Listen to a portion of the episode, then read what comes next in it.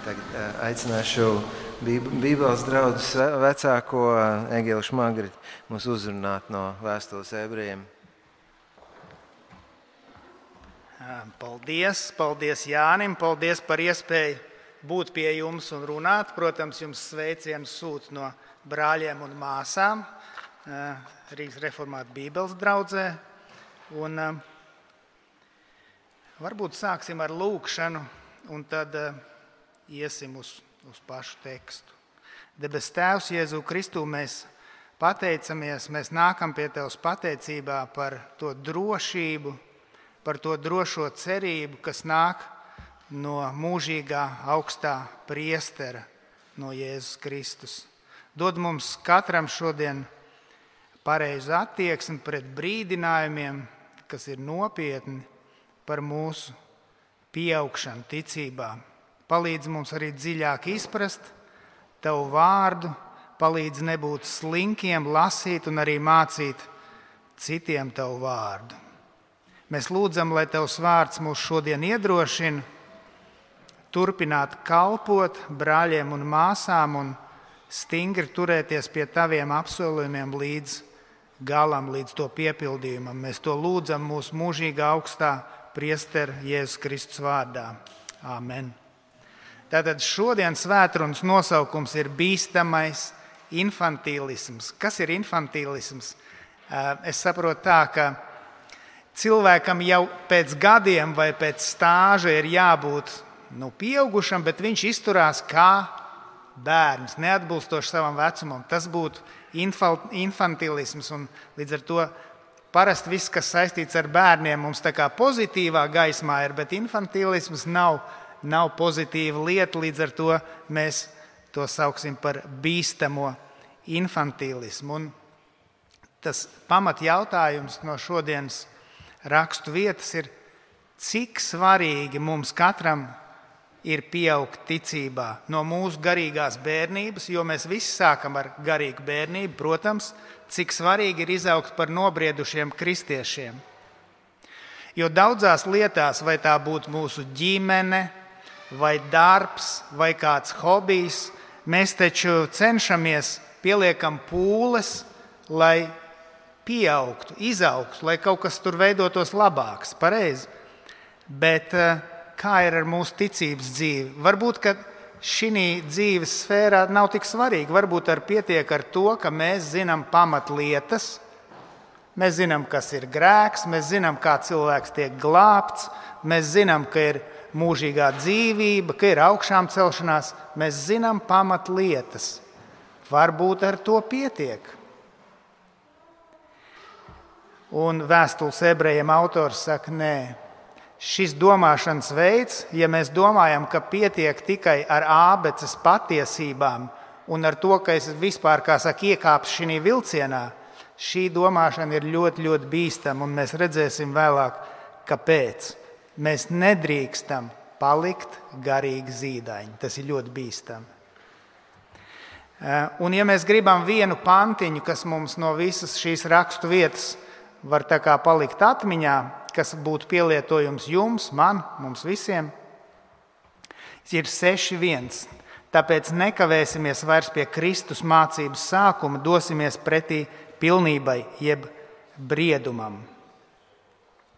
Un kur tad ir tā bīstamība, ja mēs paliekam kā mazi bērni, respektīvi mēs paliekam neatbilstoši savam vecumam, garīgajam?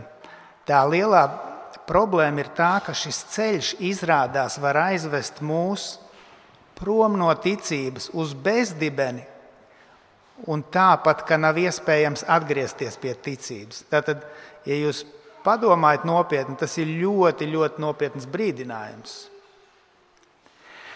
Par ko tad kontekstā, par ko tad runā vēstules ebrejiem autors, kur tad mums ir vairāk jāpieaug? Kur tad mums ir vairāk jāieklausās? Atcerieties, sākumā viņš teica, es gribētu jums stāstīt vairāk par Kristu, par augsto priesteri, bet jūs nesat gatavi klausīties. Tātad konteksts ir gan pirms šīs raksturvietas par augsto priesteri mūžīgo Kristu, un pēc mūsu raksturvietas arī būs autors tālāk stāstīs, cik svarīgi ir katram kristietim izprast, ka Kristus ir mūsu mūžīgais augstais priesteris. Un šis, te, ko mēs šodien lasām, tas ir kā motivācija mums saprast un studēt.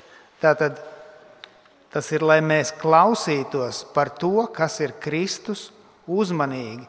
Arī kopējais, eh, tāds, kopējā tēma, par ko tad ir vēstule ebrejiem.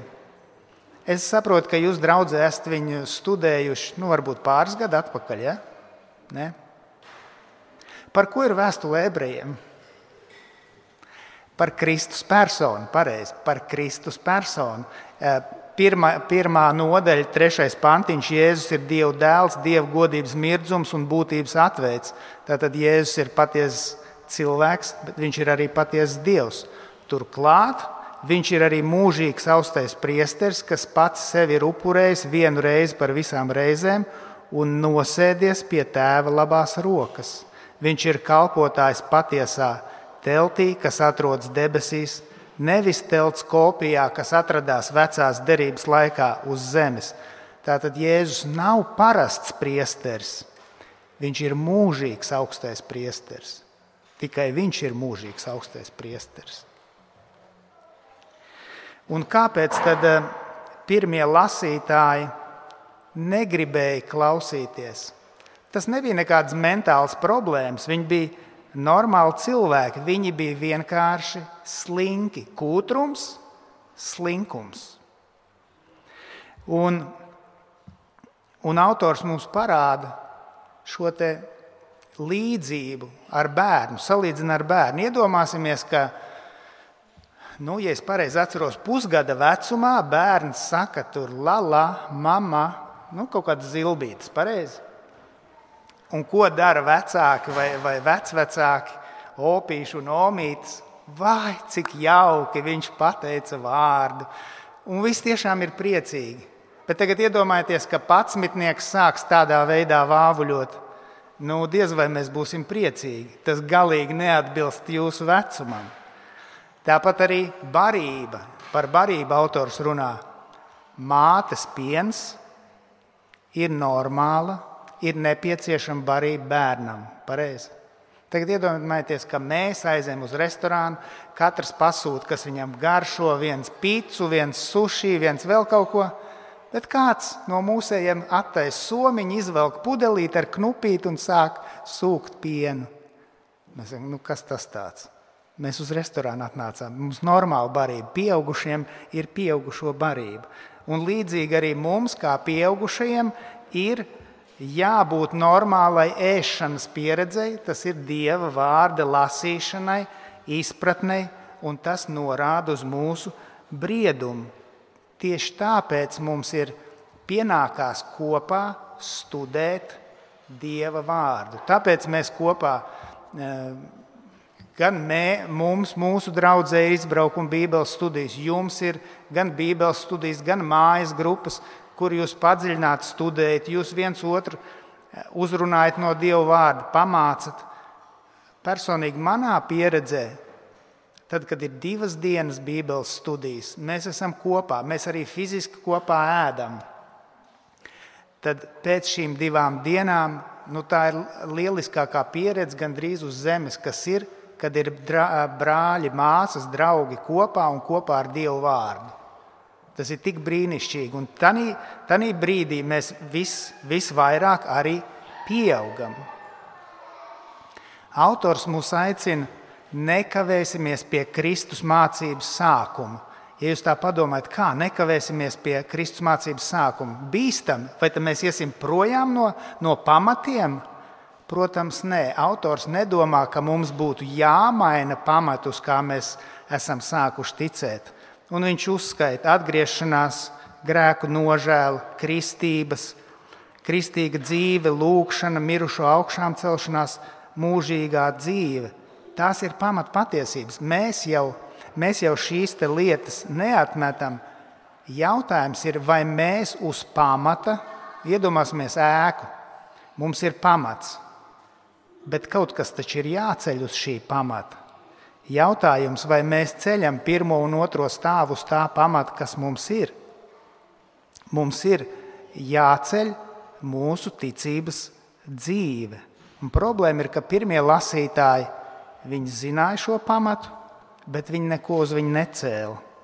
Viņi pat pamatu bija aizmirsuši, jo autors saka, man jau pa jaunu jums jāmāca pat kristīgās ticības pamats. Tātad vēlreiz pamat jautājums, vai tas ir svarīgi, ka mēs pieaugam savā ticības dzīvē. Varbūt pietiek ar to, ka mēs vienkārši esam iekāpuši šajā vilcienā, kristietībā. Atbildi nē, ar to nepietiek. Mums noteikti ir jāpieaug. Kāpēc? Jo tas ir ļoti, ļoti bīstams ceļš.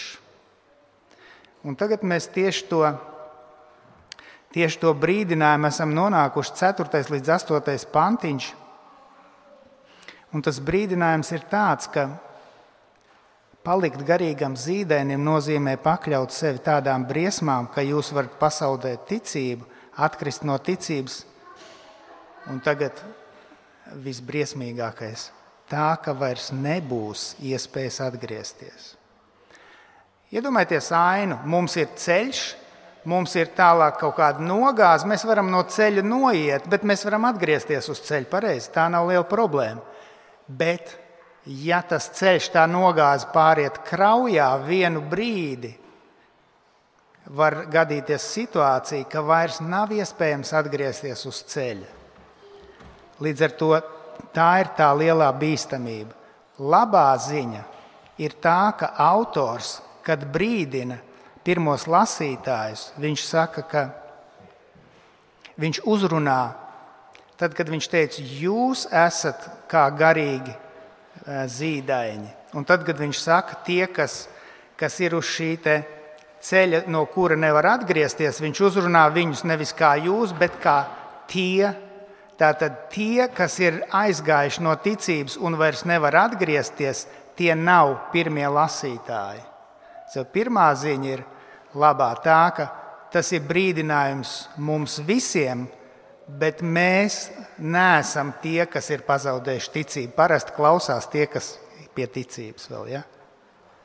Tas ir pirmais, pirmais lab, labā lieta. Nākamais mēs redzam, šo bīstamās atkrišanas piemēru, ko autors dod mums no vecās derības. Un, eh, un tas piemērs atsaucās uz iziešanu no Ēģiptes un ceļojumu pa tūkstnesi. Vienā ziņā visa, visa tauta taču tika apgaismota. Viņiem bija dievu vārds. Atcerieties, viņiem bija uh, tumsā tas gaismas staps, kam viņi varēja sekot. Viņiem bija dota dieva gaisma un viņi baudīja Dieva labo vārdu, viņi bija līdzdalīgi pie svētā gara. Var teikt, viņi nāca uz mūsu, uz jūsu dievkalpojumiem, viņi dzirdēja evaņģēlīju, viņi bija kopā ar mums Bībeles studiju grupās, mājas grupās, viņi pat dalījās ticībā ar citiem, bet viņi nepieauga savā ticībā. Un tādiem cilvēkiem ir šie šausmīgie vārdi, kas skan no rakstiem, ka tad, kad viņi, kas ir bijuši starp mums, ir atkrituši no ticības, tos nav iespējams atkal no jauna vest pie atgriešanās, jo tie dieva dēli no jauna piesit krustā un liek apsmieklam.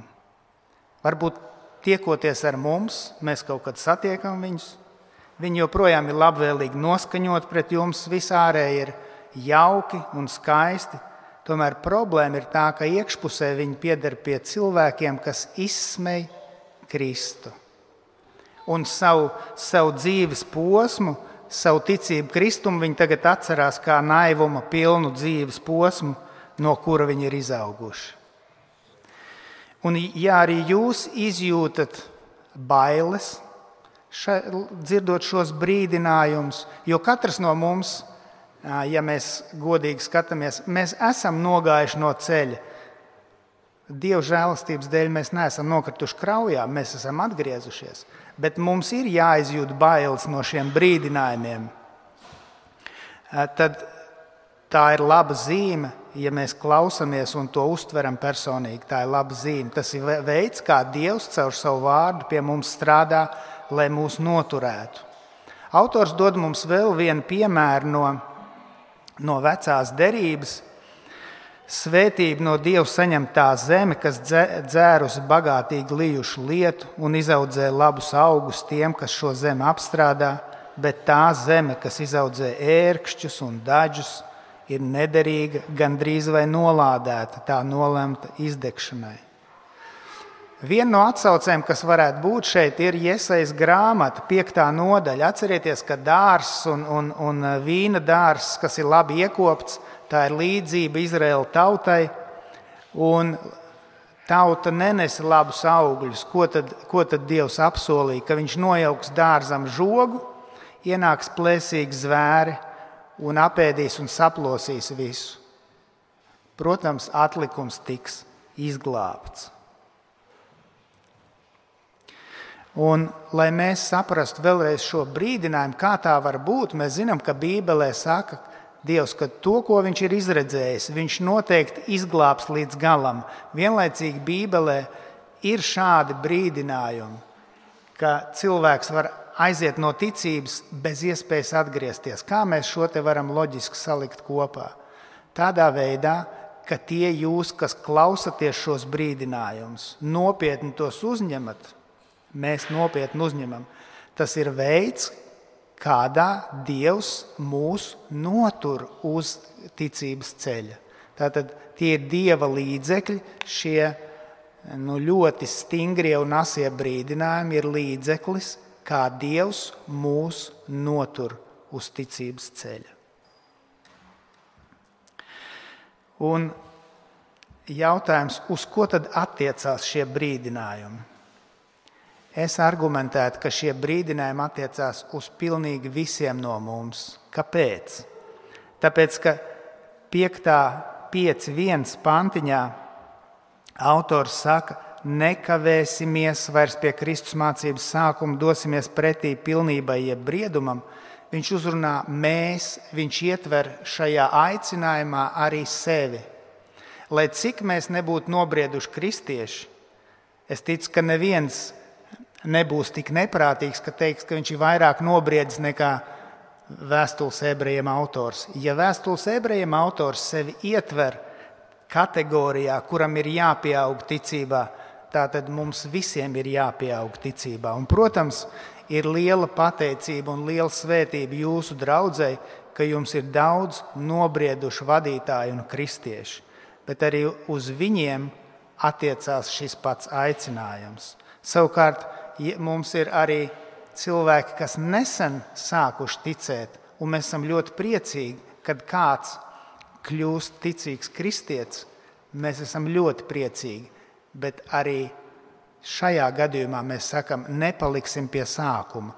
Turpināsim lasīt vārdu, turpināsim kalpot, turpināsim pieaugt. Ja mēs esam ilgāku laiku ticīgi, bet nevarētu teikt, ka pašlaik mēs esam pieaugam ticībā, viss ir kļuvis tāds kā ikdienišķs, tā kā rutīna, tad tieši mums ir šis aicinājums. Nekavēsimies pie Kristus mācības sākuma, dosimies pretī briedumam, jeb pilnībai. Lasīsim, klausīsimies, piedalīsimies, kalposim. Un, ja mūs dzird kāds neticīgs klausītājs, tad pie, pielietojums ir acīm redzams, jo nākotne bez Kristus patiešām, patiešām ir šausmīga. Un pēc visiem šiem brīdinājumiem autors mūs arī iedrošina. Protams, viņš mūs iedrošina. Ja mēs dzirdot visus šos brīdinājumus, nolemjam, ka mēs darīsim, kas no mums atkarīgs, mēs piedalīsimies, mēs lasīsim, mēs vingrināsimies, mēs kalposim, tad mēs tiekam iedrošināti, ka Dievs noteikti mums atbildēs. Jo Dievs nevar būt neusticams saviem apsolījumiem, Viņš mūs noteikti izglābs. Turklāt ievērosim, arī tad, kad, kad autors brīdina cilvēkus, viņš to dara ar kādu attieksmi? Ar mīlestības attieksmi. 6, 9. Sacīdams jums, mīļotie, mīļotie šos vārdus, mēs tomēr esam pārliecināti, ka attieksme uz pestīšanu ar jums tomēr nav tik ļauna. Mīlestības motivācija. Turklāt Autors saka, ka ir redzami pierādījumi, ka jūs esat ticīgi. Kādi pierādījumi? Jūs palīdzat brāļiem un māsām, jūs kalpojat draudzē. Un, un uh, autors saka, tāpēc turpiniet to darīt. Mācieties, pieaudziet zināšanās, ticībā, bet turpiniet kalpot draudzē. Šīs divas lietas. Viņš raksta, un mēs no sirds vēlamies, lai katrs no jums izrādītu tādu pat dedzību, lai pastāvētu drošā cerībā līdz galam, tā lai jūs nekļūtu slinki, bet līdzinātos tiem, kas caur ticību un pacietību iemanto apsolījumus. Un tālāk autors dod piemēru, kur tad ir tas cilvēks, kam bija ticība, kam mums jālīdzinās un kā viņš pieauga ticībā. Un kas tas ir? Tas ir Ābrahāms, tas ir mūsu ticības tēvs Ābrahāms. Jo, kad Dievs deva apsolījumu Ābrahamam, viņam nebija neviena lielāka pie kā zvērēt, tādēļ viņš zvērēja pie sevis paša, sacīdams, patiesi es tevi svētīdams, svētīšu un vairodams vairošu, un Ābrahāms bija pacietīgs un saņēma, ko Dievs viņam bija solījis. Šeit autors citē no pirmās mūža grāmatas 22, 17, un tas ir brīdis, kad Ābrahāms ir gandrīz upurējis savu dēlu Īzaku, jūs atceraties šo stāstu, ir pagājuši 25 gadi, kopš Dievs deva pirmos apsolījumus Ābrahāmam. Par to, ka viņam būs pēcnācējs, par to, ka Ābrahāms kļūs par tautu tēvu. Ābrahāms uzticējās Dieva apsolījumam, viņš 25 gadus pacietīgi gaidīja uz viņa piepildīšanos. Neskatoties, ka viņš pats bija vecs, neskatoties, ka sāra bija cienījamā vecumā, tomēr brīnumainā kārtā, kā jūs atceraties, piedzima īzāks. Tieši caur īzāku tagad ir jāturpina piepildīties apsolījumam par lielu tautu, un pēkšņi Dievs saka, upurē savu dēlu. Jautājums, kas notiek Ābrahāma galvā, kas tā pa ticību? Un izrādās, viņš ticēja, kāpēc viņš bija gatavs upurēt īzaku tāpēc ka viņš ticēja, ka Dievs spēja augšām celt dēlu, viņa dēlu no mirušajiem, ja tas būs nepieciešams. Tādā veidā Dievs pārbaudīja Abrahāma ticību. Kas attiecās uz mūsu ticību, tad mums ir svarīgi šis apsolījums Abrahamam, ka caur viņa pēcnācēju, vienskaitlī vienu viņa pēcnācēju, tas ir Kristu, tiks svētītas visas pasaules tautas. Un tad, kad, tad, kad Dievs pasargāja īzaku, atcerieties, viņš apsolīja sagādāt citu upuri, un viņš zvērēja Ābrahamam, ka viņš savus apsolījumus noteikti piepildīs. Kāpēc Dievs zvērēja? Lai vēl skaidrāk komunicētu Ābrahamam un caur rakstiem arī mums, pilnīgo drošību. Pirmkārt, Dievs nevar laust savu apsolījumu, tas ir neiespējami. Otrakārt, viņš nevar, protams, laust arī zvērestu. Tā tad ir tā kā dubult drošs. Ne apsolījumu par derību ar Ābrahāmu, ne zvērestu Dievs laust nevar. Tātad mums ir pilnīga, jeb dubulta drošība, ka šis apsolījums Kristū noteikti piepildīsies. Un nolasīsim 19. pāntu. Visiem, kas šodien klausās, tas ir liels, liels iedrošinājums, kāpēc turpināt lasīt, turpināt pieaugt, kāpēc turpināt kalpot.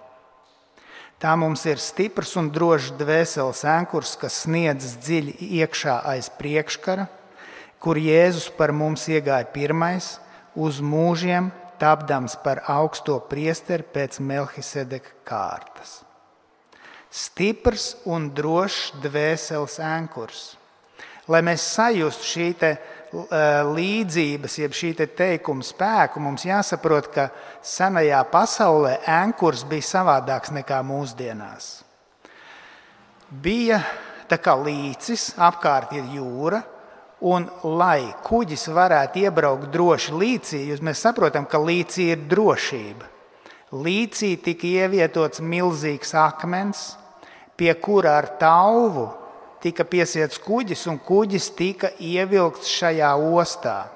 Tas ir ankurs. Ankurs ir milzīgs akmens, kas atrodas ostā, kas dod drošību, ka tad, kad vējš pūš jūrā un straume jūrā nes kuģi garām, ar šo ankuru viņš tiks ievilkts ostā. Līdz ar to, lai kādi vēji uz mums nepūš, lai kādi pasaules kārdinājumi un aicinājumi mūs nepūš garām ticības ostai, lai kādi cilvēcīgi priesteri vai sekulāri vai reliģiski mums nesolītu kādus labumus. Tik un tā, patiesais ēnkurs, kas mūs ievilks drošajā ostā, ir Jēzus Kristus kā augstais priesteris. Un atcerēsimies, ka Jēzus Kristus ir augstais priesteris ne jau kopijā, kas bija vecās derības laikā uz zemes. Viņš ir priesteris īstajā templī, kas atrodas debesīs. Neviens cits ēnkurs nevar ievilkt mūs šajā apsolījumā, kā tikai mūžīgais augstais priesteris pēc Melkisedeka kārtas, kas ir Jēzus Kristus. Tas ir iemesls, kāpēc autors tik ļoti grib, lai mēs pieaugtu savā izpratnē par Kristus personu, un ka tieši Kristus mūs kā šo kuģi bangojošā jūrā noteikti ievilks šajā ostā, drošībā, kas ir jaunā zeme un jaunās debesis. Noslēgsim ar lūgšanu. Debes Tēvs, Jēzu Kristu, mēs nākam pie Tevis pateicībā par šo drošo cerību, kas nāk no mūsu mūžīgā augstā priestera Jēzus Kristus. Mēs lūdzam, ka, ka mēs saklausām Tavus brīdinājumus, dod mums pareizi attieksmi, uztver tos nopietni un pieaugt ticībā. Palīdz mums dziļāk izprast Tavu vārdu palīdz mums nebūt slinkiem, lasīt un arī mācīt citiem tavu vārdu. Mēs lūdzam, ka tu caur savu vārdu mūs iedrošini turpināt kalpot brāļiem un māsām un stingri turēties pie tava apsolījuma līdz galam, kā to darīja mūsu ticības tēvs Ābrahāms. Mēs to lūdzam mūsu mūžīgā augstā priestera Jēzus Kristus dēļ. Āmen!